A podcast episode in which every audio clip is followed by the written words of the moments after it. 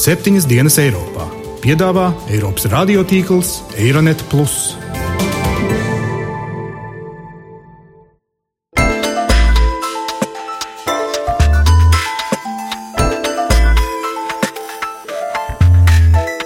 Šonadēļ septiņas dienas Eiropā dzirdēsim. Europe is a project of integration. Tā būs pilnīgi jauna dzelzceļa līnija. Vakarā iekāpt vilcienā no rīta izkāpt Berlīnē. Rail Baltica yra didžiulė.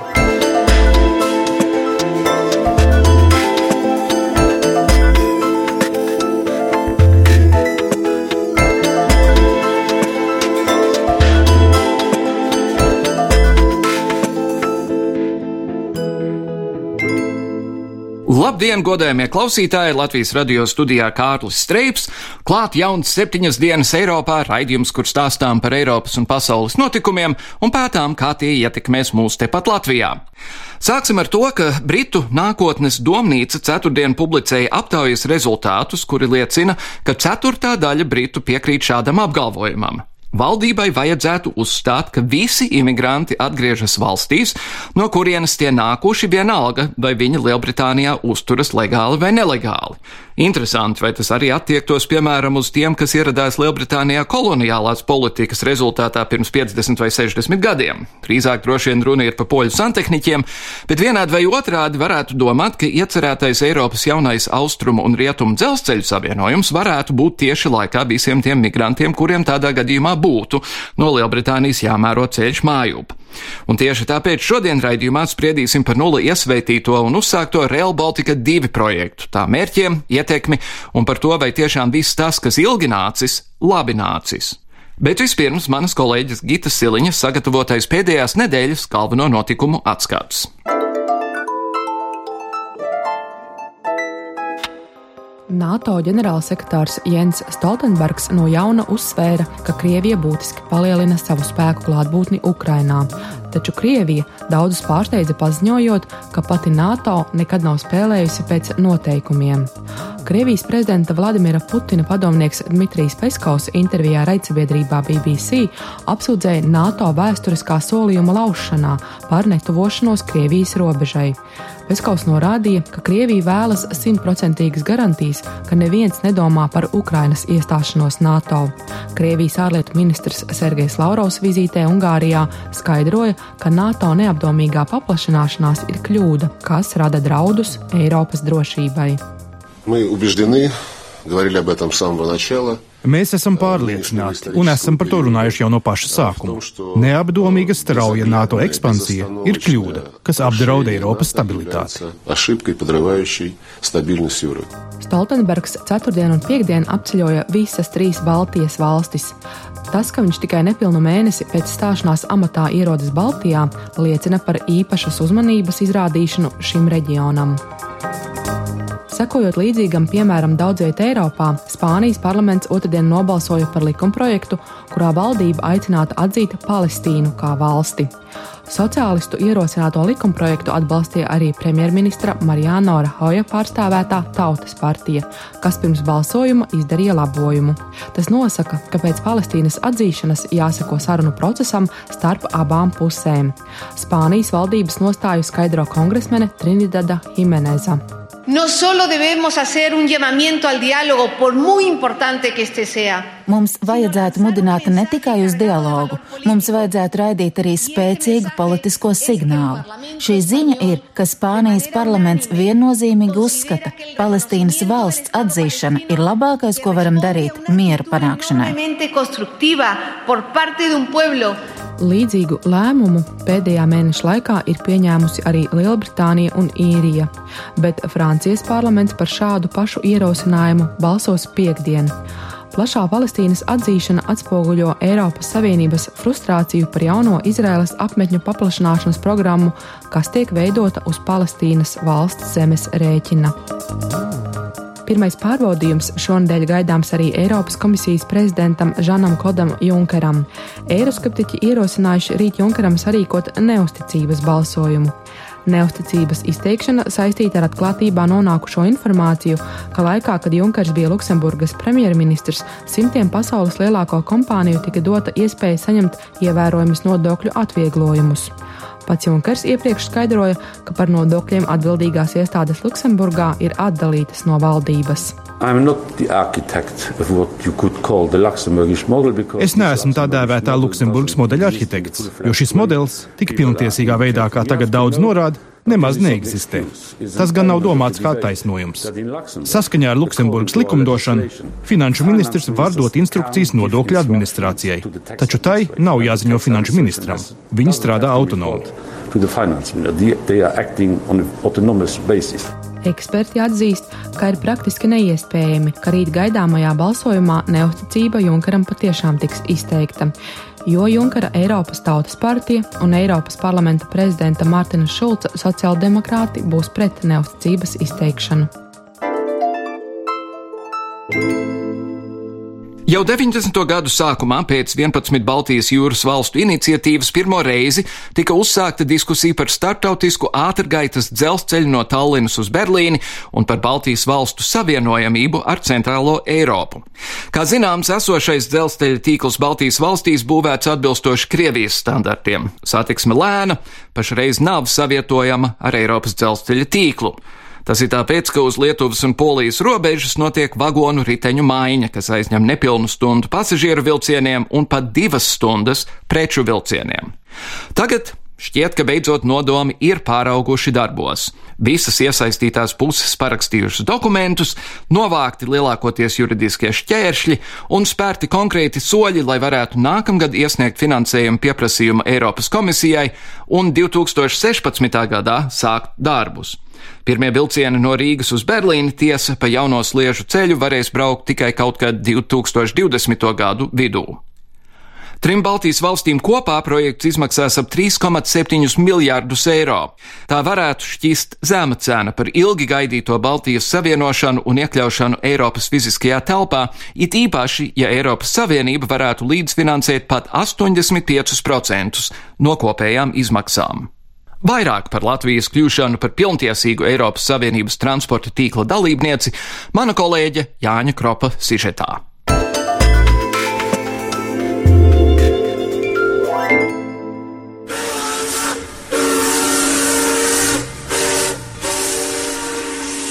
Ideja, ka no Baltijas varētu ar vilcienu aizbraukt līdz Berlīnai vai Parīzai, ir salda un melanholiska atmiņa no pirmskara laikiem. Vilciena skaņas var maigi ieejāt ceļā no Ziemeļa Eiropas līdz pat pašai Venecijai. Bet Rail Baltica ir projekts, kas šo nostalģiju plāno atgriezt ikdienā. Lielas investīcijas, paredzams strauji nodarbinātības pieaugums un augstāka iedzīvotāja mobilitāte. Tas viss it kā atbilst Eiropas vērtībām un mērķiem. Arī bijušais Eiropas Savienības komisārs transporta jautājumos Sīms Kalas vēl iepriekšējās komisijas laikā apstiprināja, Rail Baltica ir integrācijas projekts ar tālajošiem mērķiem. Europe is a project of integration.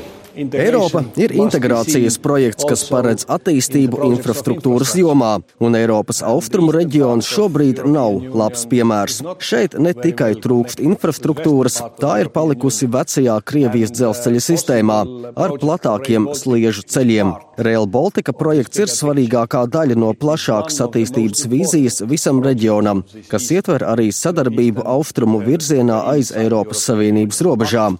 Bet te arī svarīgi uzsvērt, projekts paredz lielākoties dalību valstu iesaistīšanos ne Eiropas institūciju. Igaunija, Latvija, Lietuva un Somija ar Poliju, kuras arī ir ieinteresētas, tā ir daļa pat no Baltijas un Adrijas jūras koridora. Ja kāda no iesaistītajām valstīm nolemj nesadarboties, tad projekts apstājas.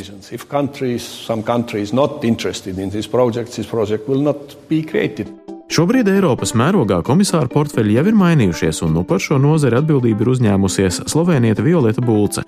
Viņai vēl priekšā ir strauji iepazīšanās process ar lietu kārtību transporta jomā, taču viena no lietām, kas paliks nemainīga, attieksies uz finansējumu sadalīšanu. Ja dalībvalstis minstināsies pārāk ilgi, naudu tās var arī pazaudēt. To, uh, refer, um, concept, called, believe, es centīšos pieturēties pie koncepcijas, kas jau ir zināma un to mēdz saukt par izlieto vai pazaudē. Es uzskatu, ka šī ir svarīga nostāja un paskaidrošu, kāpēc. Es biju Slovenijas ministru un arī viceprezidentu un saskāros ar Eiropas Savienības fondu izlietošanu dalību valstu līmenī. Dažādu iemeslu dēļ ļoti liela un svarīga projekti netika realizēti nepareizas vadības dēļ. Kā mēs varam cerēt uz labāku Eiropu, ja vitāli svarīgi projekti buksē. Tāpēc es uzskatu, stratēģija izlieto vai pazaudē naudu ir laba. Tā stimulē censties vairāk. Rail Baltica projekta realizācijai nu jau ir nodibināts visu Baltijas valstu kopu uzņēmums akciju sabiedrība RB Rail. Tas strādās gan pie mārketinga, gan arī pie tehniskajām projektu lietām, kā piemēram projektēšanas un būvniecības. Uzņēmumā vienlīdz lielā apmērā ir pārstāvēti visu Baltijas valstu pārstāvi, lai projektu arī realizētu visiem pieņemamā veidā. Par ieguvumiem plašāk stāsta Lietuvas satiksmes ministrs Rimantas Sinkevičus. Na, žinoma, didžiausia nauda tai yra piliečių judrumas. Skaidrs, ka lielākais iegūms ir pilsoņu mobilitāte, kravu pārvadājumi. Nākotnē ļoti utopiska ideja gan, bet tomēr savienot Baltiju ar Mīnsku un Kievu, tātad piesaistīt Melnās jūras kravas. Protams, attīstīts dzelzceļš ir arī valsts nacionālās drošības jautājums. Ja šos faktorus saskaitīt, skaidrs, ka projekts ir izdevīgs. Papildus ātrs dzelzceļš ir konkurence aviācijai, un šobrīd investori atzīst, ka Lietuvai šajā jomā ir neatbilstoši sasniegumi. Real Baltica šajā ziņā ir labs papildinājums tieši iedzīvotāju mobilitātei un biznesa kontaktu veidošanai. Bet Latvijas pašvaldības ir sākušas interesēties par projektu otro kārtu, kurā sāksies jaunās dzelzceļa līnijas ietekmes uz vidi vērtējums. Šobrīd savu satraukumu ir paudušas Mārup un Babīte, bet reģionālo pārvadājumu atzari ļoti svarīgi ir visām pašvaldībām, caur kurām Rail Baltica virzīsies. Salacgrīvas novada domas priekšsēdētājs Dagnis Straubergs uzskata, ka šobrīd pašvaldībām vēl ir iespēja paust savas vēlmes. Šobrīd tātad pirmais posms, šis mugurkauls ir uzzīmēts. Protams, mūs ļoti interesē, lai šī satiksme būtu ļoti ērta pie iespējas, ja tie būs reģionālie pārvadājumi iespējami, tad, lai tā būtu ērta nokļūšana Rīgas centrā iekļuva. Šobrīd notiek ir darba grupa, kurā pašu, ar pašvaldībām tātad gan konsultanti, gan ministrijas pārstāvi runā. Šobrīd ir tas laiks, kad mēs tiekam uzklausīt. Protams, skaidrības varētu ienest vēl vairāk pēc tam, kad tiks veikts ietekmi uz vidas novērtējums, kur mēs ļoti ceram, ka mēs arī saņemsim atbildes uz, uz tādiem jautājumiem, ko šī priekšspēja neveic. Šī priekšspēja šobrīd vairāk izpēt, vairāk veids tehniski, ekonomisko novērtējumu pašai līnijai kā tādai, bet mūs ļoti interesē, kas varētu notikt apkārt ap šo līniju nākotnē. Šobrīd Rail Baltica projekts pamazām nonāk tajā fāzē, kad lemšana jau ir pašu rokās. Ja Eiropas komisija jauki to nosauc par pašu dalību valstu projektu, tad tieši pašvaldības būtu tās, kurām Rail Baltica nestu vislielāko labumu. Taču nevienmēr alternatīva dzelzceļa līnija nāk par labu tādām pašvaldībām kā piemēram Salacgrīvai. Ja Rail Baltica reģionālais atzars neieiet novada centrā, tad par pilsētu pamazām sāks aizmirst. Igaunijas institūta pētnieks Erkī Terks uzskata, ka agrāk vai vēlāk, bet autotransports tāpat samazināsies. Pieaugušās vidas prasības un izmaksas liks pāriet uz ekonomiskākiem un vidē draudzīgākiem transporta veidiem, un šajā gadījumā tas būtu dzelzceļš. It's not only in Baltic states, but in, in Europe in general, but the situation uh, Tā nav tikai Baltijas valstu situācija, bet visas Eiropas kopējā nākotne. Uz ceļiem situācija neuzlabosies, automašīnu paliks tikai vairāk un piesārņojums pieaugs. Dzelzceļš ir ne tikai videi draudzīgāks, bet arī izmaksu ziņā lētāks. Tas paredz labas biznesa iespējas un nav nozīmes, uz kuru valsti jūs brauksiet. Tas ir krietni plašāks reģionāls projekts, kas vairos efektivitāti visā Ziemeļa Eiropā. Pie lielāka pasažieru skaita taisnai dzelzceļa līnijai samazināsies autobraucēju skaits, un tas ietekmēs Via Baltica uz autoceļu strādājošos uzņēmējus. Samazināsies ieņēmumi degvielas uzpildes stacijām, veikaliem un kafejnīcām, bet vēlēšanās iegriezties tādās vietās kā Salacgrīva jau būs mazākas. To darīs turisti, kur galu galā apzināti būs pētījuši iespējas ceļot uz unikālām vietām, bet, diemžēl, tādu ceļotāju jau ir mazāk nekā gribētos. Lai paskaidrotu klausītājiem, kāpēc Real Baltica projekts tik ilgi un grūti nācis, kāpēc Eiropai un Latvijai tas ir būtisks un kas papildus sliežu ceļa platumam mainīsies, studijā mums ir satiksmes ministrijas Real Baltica Eiropas sliežu platuma izpētes projekta koordinators Kaspars Vingris. Labdien! Labdien! Un Baltijas jūras telpiskās plānošanas iniciatīvas Vasaba sekretariāta vadītājs Tālis Linkaits. Labdien! Labdien! Kas ir Vasaba? Vasaba tās ir vīzija un stratēģija apkārt Baltijas jūrai. Tā ir reģionālās attīstības un telpiskās plānošanas ministru sadarbība Baltijas jūras reģionā. Runājot par visiem transporta veidiem vai arī par kaut ko plašāku? Runājot plašāk par kopējo reģionu attīstību, bet tā skaitā arī par transporta pieejamību un citiem jautājumiem. Savukārt Vingra kungs, Eiropas sliežu platuma izpētes projektu koordinators. Dažas sliedes ir šaurākas, citas ir platākas. Ko jūs tur pētāt? Šīs sliedes ir šaurākās sliedes. Šaurums nozīmē Eiropas standartu. Tas ir tāds standarts, kā šobrīd ir visā Eiropā, galvenokārt visā Eiropā. Un ar šīm sliedēm tad ir plānots, ka mēs iekļausimies transporta koridorā no Helsinkiem līdz pat Berlīnai. Baltijas valsts ir trūkstošais savienojums starp Helsinkiem un Polijas Lietuvas robežu, kur ir pēdējā vieta mums tuvākā, kur ir šis jaunais 14,35 mm dzelzceļa. Vārds sakot, jūs nevis pētat situāciju, jūs spriežat, kā to visu nodrošināt. Mēs šobrīd pētām konkrētu līnijas novietojumu. Tas ir mums līdz nākamā gada beigām ir jāzina pavisam precīzi, kur līnija tiks novietota, kā tiks savienoti mūsu nepieciešamie objekti, piemēram, centrālā stacija, lidosta, tehniskie parametri šai līnijai, tas ir kādā veidā tik notiks elektroapgāde un tehniska apkopa, kur ir šķērsojumi, kādi nepieciešami ar autoceļiem, mežos dzīvniekiem un tādas tehniskas lietas. Jā, stirniņām un lāčiem. Jā, noteikti viņu intereses arī tiks ņemtas vērā pilnā apmērā. Es pieņemu, ka Rail Baltica sliedas tādā gadījumā ies paralēli pašreizējām sliedēm, vai arī ir domāts nojaukt kaut kādas sliedas un likt jaunas? Principā šobrīd eh, sanāk tā, ka Tā būs pilnīgi jauna dzelzceļa līnija, nedublējot esošos koridorus, jo tai ir jābūt maksimāli taisnai, lai nodrošinātu nepieciešamu ātrumu. Līdz ar to savienojumā Tallina Rīga nevienā vietā netiks dublētas esošās sliedes, jo iepriekšējā dzelzceļa līnija, kas iet uz Tallinu, iet caur Tartu, kas ir eh, līkums, līdz ar to šis būs taisnīgs savienojums. Tas pats attiecās uz savienojumu ar Kaunu, kas būs taisnīgs, nekas netiks dublēts. Vienīgās vietas, kur tiks izmantoti koridori, nedaudz tas ir, lai iebrauktu centrālā stacijā, bet tur tiks izmantot jau arī esošie koridori, un tur tā kā būs nepieciešama sadarbība ar esošo infrastruktūru. Mm -hmm. Un savukārt, Linkait kungs, te nu būs tā problēma, jo Lietuvā cilvēki krenķējas par to, ka nav paredzēts viļņu tur iekļaut, savukārt Mārupē cilvēki saka, nu nekādā gadījumā ne caur mūsu teritoriju un tā tālāk. Jā, nu jāatcerās, ka galvenais mērķis šai līnijai, kā jau pareizi tika teikt, savienot uh, galvenās pilsētas ar Eiropu. Tātad uh, Helsinki, Tallinn, Rīga, ar uh, Berlīnu, ar Varšavu pietiekami ātrā veidā. Un arī šīs te izpētes konkrētais uzdevums ir atrast to optimālo maršrutu, lai īpaši nekavētos, lai vilcieni īpaši nekavētos, nelīkumotu un pietiekami ātri nonāktu centrālajā Eiropā.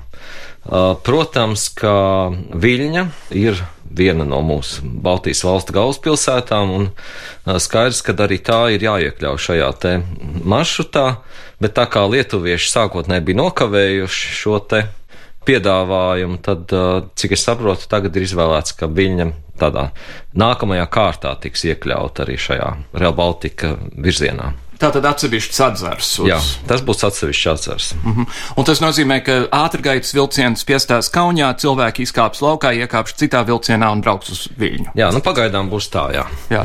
Vai arī Latvijai domāts par kaut kādiem atzariem? Jo mums jau mūsu pašu dzelzceļš brauc uz visām pusēm, tad doma ir vienkārši visiem sabraukt Rīgā un kāpt iekšā ātrajā vilcienā. Jā, tā ir domāts, ka Tallina, Rīga, Kauņa tas būs nepastarpināts savienojums, un šobrīd notiek vēl analīze lai noskaidrotu, kādā veidā mēs nokļūsim lidostā, vai tur būs jāpārkāpj, vai arī tas būs nepastarpināts savienojums. Šobrīd mm -hmm. to pateiks izpēte tuvāko mēnešu laikā. Jā, es pat labi mēģinu domāt, eh, zeme, kas ir starp lidostu un centrāla stācija, tur ir, tur ir daži ceļi, bet ir ļoti daudz dažādu mājvietu un visu pārējo. Jā, acīm redzot, tas ir viens no, kā lai saka, izaicinājumiem. Un atrast tur lētu variantu neizdodas, tāpēc droši vien tiks meklēt kaut kādu tādu risinājumu, kas apmierinātu gan Rīgas intereses, gan tomēr nesadārdzinātu to projektu tik ļoti. Cik lielā mērā valstī ir angļu valodā ir jēdziens eminent domain? Es nezinu, kā tas ir latviešu valodā, bet valstī ir tiesības zemi ņemt, tad, kad tā ir vajadzīga kaut kam ļoti valstiskam. Cik lielā mērā Latvijai būs tiesības zemes īpašniekiem teikt, zini, draudziņ, es saprotu, mēs kaut kādu kompensāciju samaksāsim, bet tev nav izvēles, vai mēs laidīsim tos tās sliedas šeit vai nē? Nu, šo jautājumu regulē likums, likumdošana šobrīd jau. Un uh, arī valsts ceļiem liela pieredze šajos jautājumos, kad tiek būvēts jauni infrastruktūras objekti. Ja no sākumā notiek uh, pārunas ar īpašniekiem, ja īpašnieki piekrīt, tad uh, tiek atpirkts, ja nepiekrīt, tad ir procedūra, kad tāpat jau ar caur tieslēmu tiek atsvināta tā zeme un tāpat tiek kompensēts. Bet, nu, sākas viss ar kompromisu meklēšanu un tie parasti visbiežāk tiek arī panākti. Zinot, cik ātri pēdiņās mūsu tiesas strādā, ja paredzēts darbus sākt jau 16. gadā, Nu, mēs ar, tā, ar atsevišķām vietām, kur varētu būt problemātiskas, tas reiķināmies, ka tas atpirkšanas process varētu ilgt maksimums divi gadi tiem problemātiskajiem gabaliem. Līdz ar to tikmēr paralēli noris projektēšana, un šis tā kā nebūtu tas iemesls, kādēļ varētu kaut kas aizkavēties. Vēl jau vairāk ir arī gandrīz puse no visām nepieciešamajām zemēm pieder valstīm vai pašvaldībām, kas līdz ar to arī pusi no problēmām automātiski noņem. Alinkai kungs mūsdienās, kad uh, no Rīgas uz Berlīnu var aizlidot 45 minūtēs un piedāvā mums ir lēto cenu, lidmašīnas un viss pārējais, vai vilciens mūsdienās joprojām ir aktuāls? Manuprāt, vilciens tieši otrādi kļūst aizvien aktuālāks. Tajā pašā Rietumē Eiropā mēs redzam, ka Francijā ātri vilcieni aizvieto pārlidojumus īsās distancēs. Un, tāpat arī šeit es domāju, ka vislielākais pieprasījums šim vilcienam būs, teiksim, no Rīgas uz Tallinu, no Rīgas uz Kaunu, varbūt līdz Varšavai. Tālākos maršrutos droši vien tās būs ģimenes ar maziem bērniem, vecāki cilvēki, kuriem patīk izmantot arī, teiksim, no biznesa cilvēku viedokļa, ja tu vari vakarā iekāpt vilcienā no rīta izkāpt Berlīnē un pa ceļam tevi nodrošināts internets un darba apstākļi, tad kāpēc ne arī tādu variantu var izmantot. Un ir zināmā mērā romantiski ceļot ar vilcienu. Ne, nu, ļoti arī praktiski, ja mēs skatāmies, piemēram, jau Tallinas virziena, ja mēs varam nokļūt Tallinā, nu, teiksim, pa divām stundām, tas varētu maksāt līdz 30 eiro, tad uh, tas ir uh, arī, tas varētu būt arī darbspēka mobilitātes jautājums, ka cilvēki sāk strādāt, teiksim, Pērnavā un Pērnaviešu Rīgā vai, vai pat Tallinā, kas ir, nu, pieprasīts virziens arī no biznesa viedokļa. Nu, tas ir, tas ir ātri un nav dārgi. Tas pats virziens arī uz Kaunu. Ja, div, ja divas stundas, tad gandrīz var sanākt, ka Tallinn kļūs par Rīgas guļamrajonu. Tā, jā, jo tas ir divreiz ātrāk nekā šobrīd ar automašīnu aizbraukt uz Tallinu. Jā, un nav jāuztraucās par sliktiem ceļa apstākļiem un, un, un visu pārējo. Es pieļauju, ka, ja būs jābūvē jauns dzelzceļš Latvijā, tas nozīmēs ļoti daudz darba vietas cilvēkiem. Jā, šobrīd ir tikai pieņēmumi, taču izpētes ietvaros mums ir darba uzdevums pētniekiem noskaidrot visus eh, sociālo-ekonomiskos iegūmus, būs pilna iegūma un izdevuma analīze, plus vēl sociālo-ekonomiskie iegūmi, ko nozīmē arī, ja mēs runājam par aptuveni 1,3 miljardu eiro ieguldījumu Latvijas teritorijā, tad tam noteikti ir ļoti augsts sociālo-ekonomiskais pienesums gan būvniecības laiku, gan arī pēc tam, kad eh, jau notiek eh, eksploatācija. Ir zināms, ka Eiropas Savienība ir gatava finansēt līdz pat 85% no visa šī projekta. Ņemot vērā valsts pat labam ļoti spiedīgos budžeta apstākļus, vai ir ticams, ka Latvija varēs atrast tos pārējos 15%, vai es... arī tas nāks no kaut kurienes citurienes? Es domāju, ka no pirmā uzmetiena šie 1,3 miljārdi liekas liela summa, bet viņi jau nav jāpiešķir viena gada laikā, ja tas projekts ilgs 5, 6 gadus celtniecība, jā, līdz ar to projektēšana, celtniecība, tas viss notiks pakāpeniski un, un uz visu kopējo ja izdala pa gadu skaitu, tad es domāju, ka tā nav tāda summa, ko Latvijas valsts nevarētu atļauties. Mm. Tāpat laikā arī, ja mēs reiķinām arī to ekonomisko efektu, ko rada katrs iztērēts eiro publiskā infrastruktūrā, to atgrieznisko naudas apjomu, to šobrīd mēs vēl nezinām, taču noteikti tas būs liels. Mm -hmm. Vai ir domāts tikai viens sliežu ceļš, respektīvi, ka tas vilciens būs līdzīgs tramvajam no Tallinas uz Berlīnu un tad atpakaļ, vai būs divi sliežu ceļi, lai var vairāk vilcienu vienlaikus kursēt? Būs divi ceļi, jo tas būs ne tikai pasažieru dzelzceļš, bet arī kravu Līdz ar to, lai kravas un pasažieri viens otram netraucētu, būs divi ceļi. Un, uh, teiksim, ja šobrīd ir iecerēts, ka pasažieru satiksme norisinās reizes divās stundās, tad pārējais viss laiks ir atvēlēts uh, kravām. Un arī tiks izbūvēti arī nepieciešamie pieslēgumi industriālām zonām un loģistikas zonām. Piemēram, šobrīd ir definēts, ka būs loģistikas centrs Salaspils novadā, kam tiks pieslēgts arī kravu līnija. Līdz ar to nu, tiek, tā kapacitāte tiek šobrīd rēķināta un, un vērtēta. Tā lai kravas vilciens var pabraukt maliņā, tad, kad brauc ātrais jā, vilciens. Tā, jā. Vai tas nav drusku bīstami uz vienām sliedēm likt lēnus kravu vilcienus un ātru pasažieru vilcienu? Es domāju, ka mūsdienu tehnoloģijas arī sastāvu vadīšanā ir pietiekami drošas, lai nepieļautu kādas problēmas šajā jomā. Es saprotu, ka, ja mēs ceļam jaunu līniju, tad tur arī ir vismodernākās tehnoloģijas, kādas pašlaik dzelzceļa jomā ir pieejamas. Cik lielā mērā Latvijas dzelzceļš būs iesaistīts šajā procesā, jo es pieļauju, ka pats vilciens būs kaut kas eiropeisks un nevis nacionāls? Šobrīd tiek uzskatīts, ka būvniecību nodrošinās eh, Baltijas valstu kopuzņēmums. Par to, kas nodrošinās eksploatāciju, vēl nav pieņemts lēmums. To lems trīs Baltijas valstis kopīgi. Latvijas dzelzceļš šobrīd tiek iesaistīts tikai tik tālu, cik tas skar viņu infrastruktūru, tas ir tie saskarsmes punkti, lai pilnībā tiktu īstenotas viņa intereses un Pagaidām šis jautājums tā kā netiek skatīts tādā griezumā. Tas, laikam, ir, te runa ir par uh, Tallinu, Berlīnu, līdz ar to arī Vāciju un Poliju, bet būtībā te ir projekts, kas vienkārši pielāgos Baltijas valstis tā, lai var braukt uz Berlīnu bez tā, ka vilciens jāceļ gaisā un riteņi jāmaina. Jā, tieši tā. To riteņu mainīšanu es nekad neesmu īsti sapratis. Tas man kaut kā liekas ne īpaši droši, ka katru dienu tas vilciens tiek celts gaisā, riepas tiek mainītas. Nu, arī tur ir savas tehnoloģijas un tās procedūras ir atstātas izstrādātas, un ne visā Eiropā ir vienāds sliežu platums.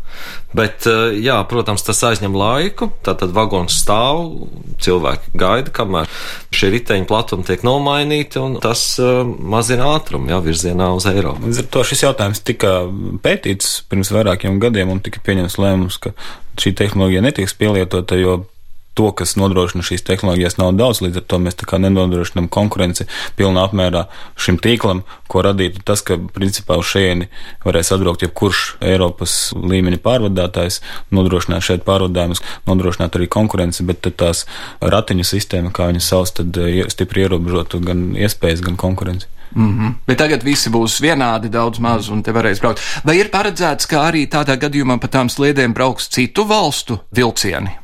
Jā, tas pārvadātājiem būs eh, pieejama šī infrastruktūra, gan kravu, gan pasažieru. Viņi varēs to izmantot pēc atbilstošas likumdošanas, ko paredz Eiropas Savienība. Jā, Eiropas Savienības direktīvas šai ziņā pietiekami liberālas un dod iespēju jebkuram pārvadātājam, Eiropas Savienības pārvadātājam šeit braukt ja viņam ir nepieciešamās tehnoloģijas un visas certifikācijas.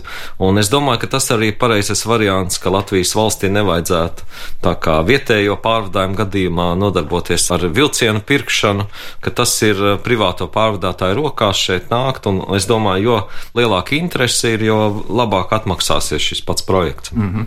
Kas būvēs šo smalko vilcienu? Es pieļauju, ka pasaulē nav īpaši daudz uzņēmumu, kas ir spējīgi būvēt ātrkaitas vilcienus. Līnijas dzelzceļa jā. jā. jā.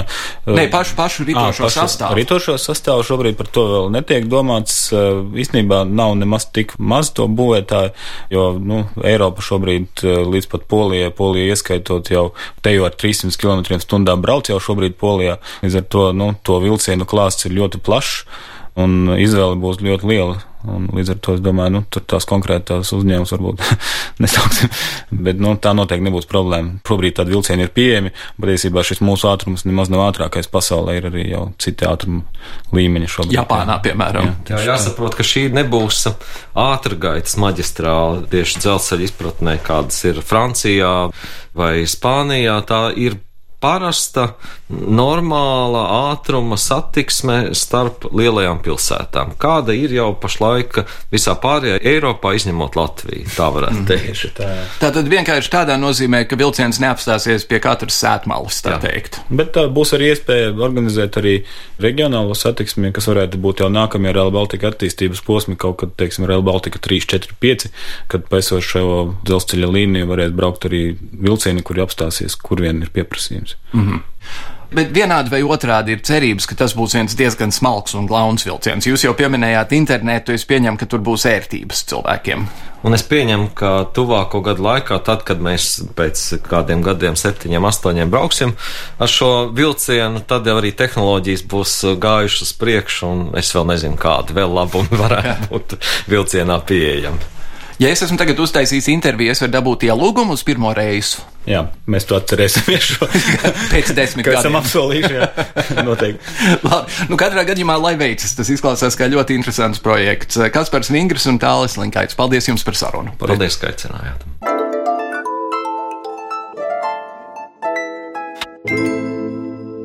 Filmas Forests Kamps galvenais varonis reiz uz soliņa klāstīja: dzīve ir kā šokolādes kārba, tu nekad nezini, ko saņemsi.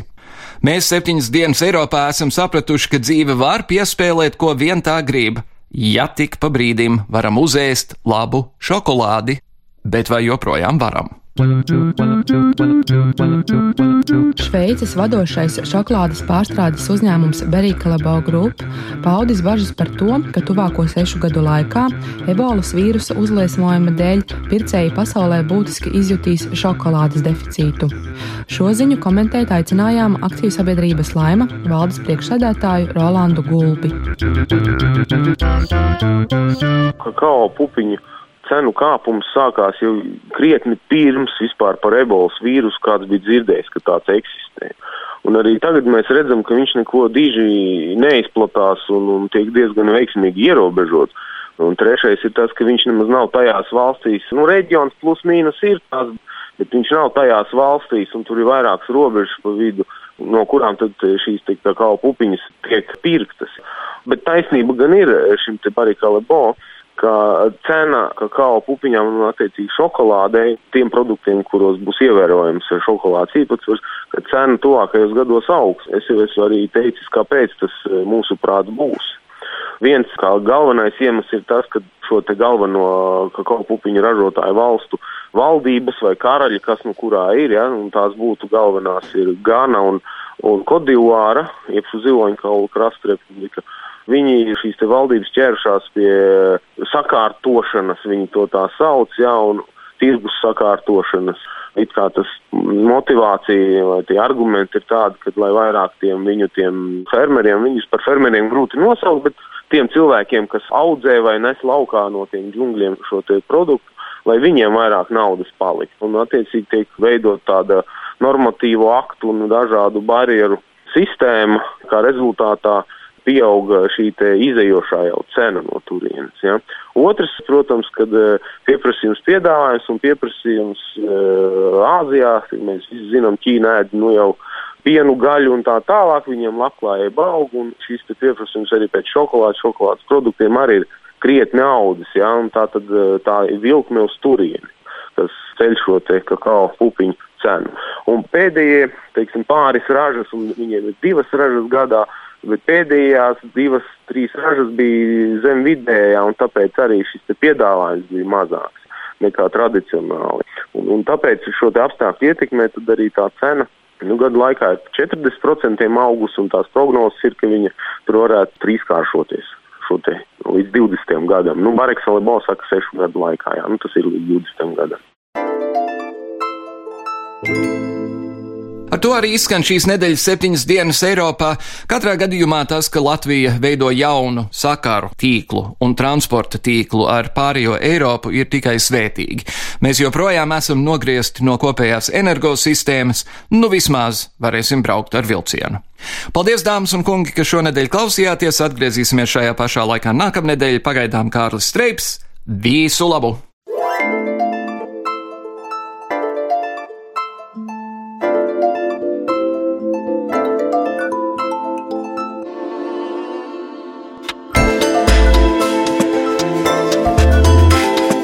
Raidījumu veido Kārlis Streips, Gita Siliņa un Jānis Krops. Producents Lukas Rozītis.